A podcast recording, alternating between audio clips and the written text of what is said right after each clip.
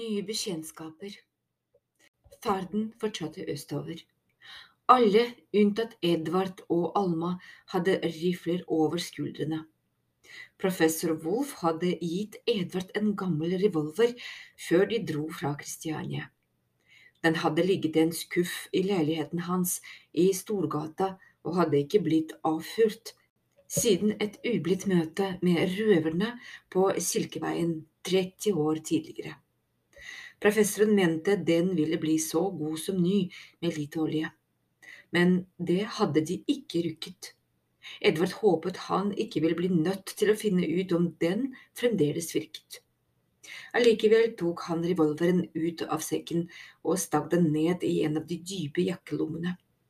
Etter flere timer langs den snirklete fjorden av is var, den, var det svake dagslyset på ny blitt erstattet av mørke. Det var tyngende med det evige mørket, som om himmelen var et tett lokk som ville presse dem ned og kvele dem. Men hvis det ikke hadde vært for mørket, er det ikke sikkert de hadde oppdaget det svake lysglimtet på en høyde ovenfor fjorden. Da de nærmet seg, så de at det var en liten, ensom jakthytte. Flere kvadratiske vegger nesten nedsnødde og i vinduet så de det svake lyset fra en lykt. Noen kan være i live der inne, utbrøt professoren. Det kan ikke være lenge siden den lykten ble tent. Kaptein Rustvik nikket. Vi må undersøke.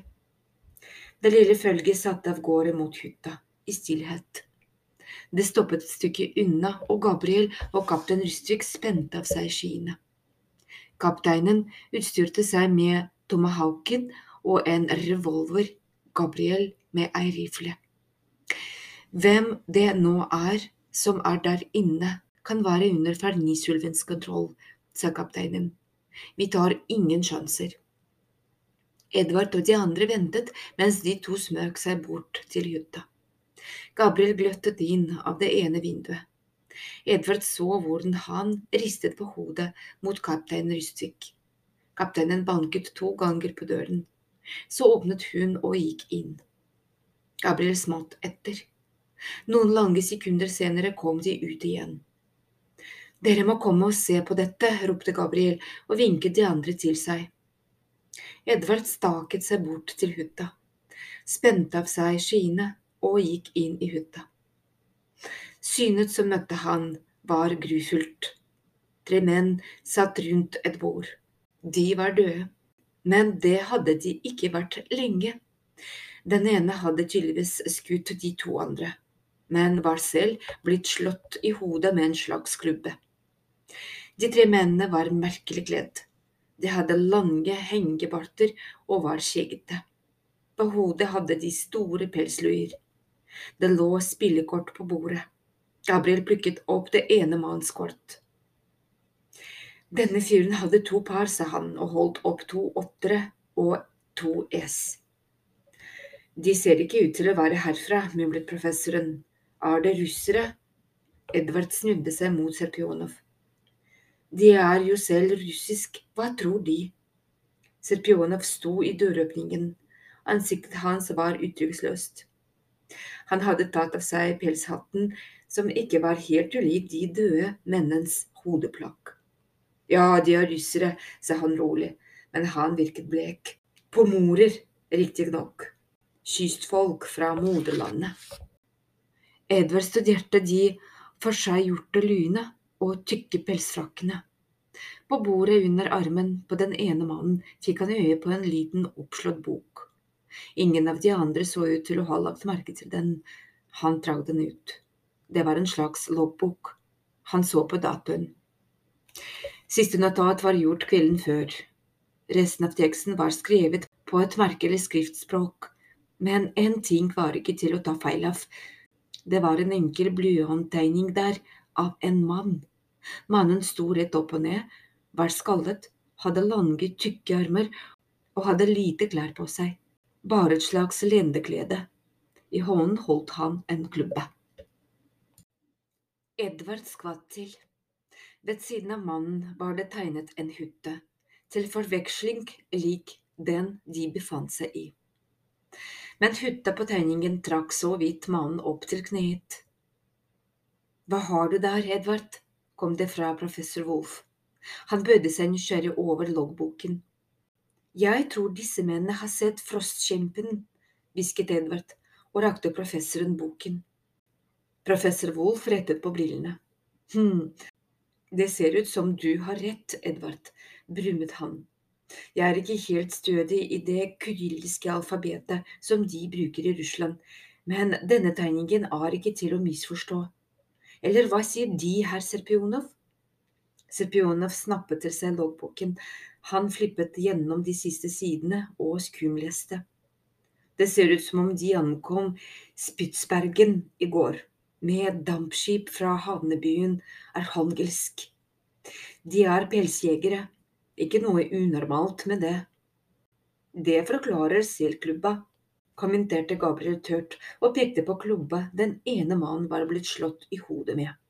Så disse karene ankom i går, bestemte seg for å ta et slags kort, før farnisulven fant ut at de hadde hugget seg lenge nok, og så fikk han dem til å drepe hverandre, akkurat som med trekkhundene.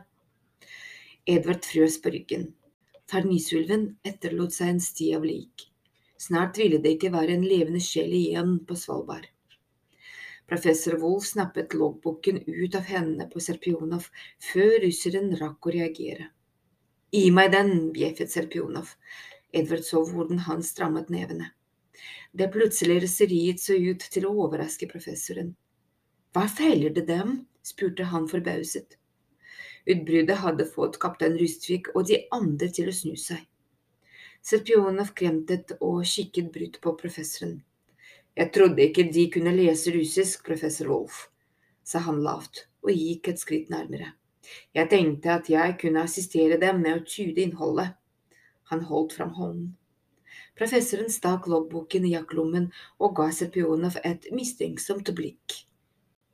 Jeg sa at jeg ikke var særlig stødig, men jeg skal alltids klare å tyde det, sa han, men ellers takk. Serpionov flekket tenner, og de mørke øynene var som synket dypere enn vanlig i øyehulene. Professor, jeg insisterer. Mer fikk han ikke sagt. En skimrende plystring lød utenfor hytta. Edvard spant rundt. Alma, utbrøt han. Jeg foreslår at dere kommer ut hit, hørte de Almas Hørte de Almas rolig Jeg foreslår at dere kommer ut hit, hørte de Almas rolig stemme utenfor.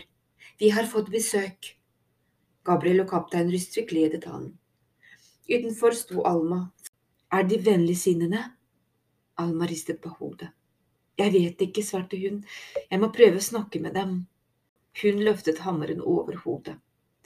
Jeg er Alma Alvheim, halvette av nattfolket i Østerdalen. Dronning Tuva er min mors søster, ropte hun. De har kommet til å returnere denne hammeren til sitt rettsmessige hjem.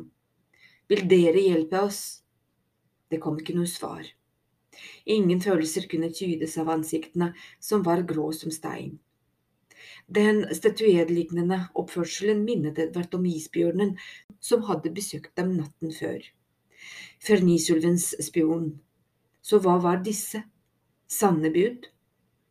Jeg tror ikke de er vennligsinnede, kom det fra kaptein Rustvik. Hvis Fernisulven hadde slavebundet dem, er de her for å stoppe oss. Alma senket hammeren igjen. Det er bare én måte å finne det ut på, sa hun. Hun tok et skritt fram. Stået til. Svartvettene rygget litt bakover, noen så på hverandre. Kun lederen deres sto helt urørlig. Han var et hode høyere enn de andre og hadde langt, hvitt hår. Klærne var svarte, utenom en raggete pels som hang nedover ryggen. Det var tydeligvis ikke bare frostkjemper som jaktet isbjørnen på Svalbard. Ikke flukt, ropte Alma, som om bakketoppen tok et skritt nærmere. Jeg er en av dere, en av vettene, ikke la fernisulven ta bolig i sinnet deres. Hun tok enda et skritt nærmere, hele tiden mens hun holdt hammeren, det knitret blått av elektrisitet. Hammeren vil fri dere fra ulven som har slavebundet dere, ropte hun. Vettene på høyden bevegde seg urolig, Sakte begynte noen å trekke seg bakover, ut av synet. Så flere. Nei, ikke løp, ropte Alma, jeg kan hjelpe dere. Men snart forsvant den siste fra bakketoppen. De var som slukt av jorden. Bare den hvithårete lederen deres sto igjen, og ved siden av han en ung kriger med ravnsvart, flettet hår. Han hadde kun en tynn kappe over ryggen. Den gråsvarte overkroppen var tynn, men muskuløs. Krigeren holdt et langt spyd til hånden. Du, ropte den hvithårete, du har ingen vette. Ordene ljømet i fjellsiden. Så med en bevegelse, raskere enn Edvard klarte å følge, løftet krigeren spydet og kastet.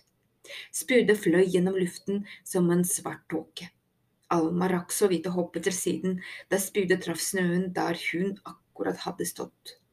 Edvard løp fram og hjalp Alma på bena. For et kast, gispet han. De stirret opp mot åskammen, men den hvithårede og krigeren var forsvunnet.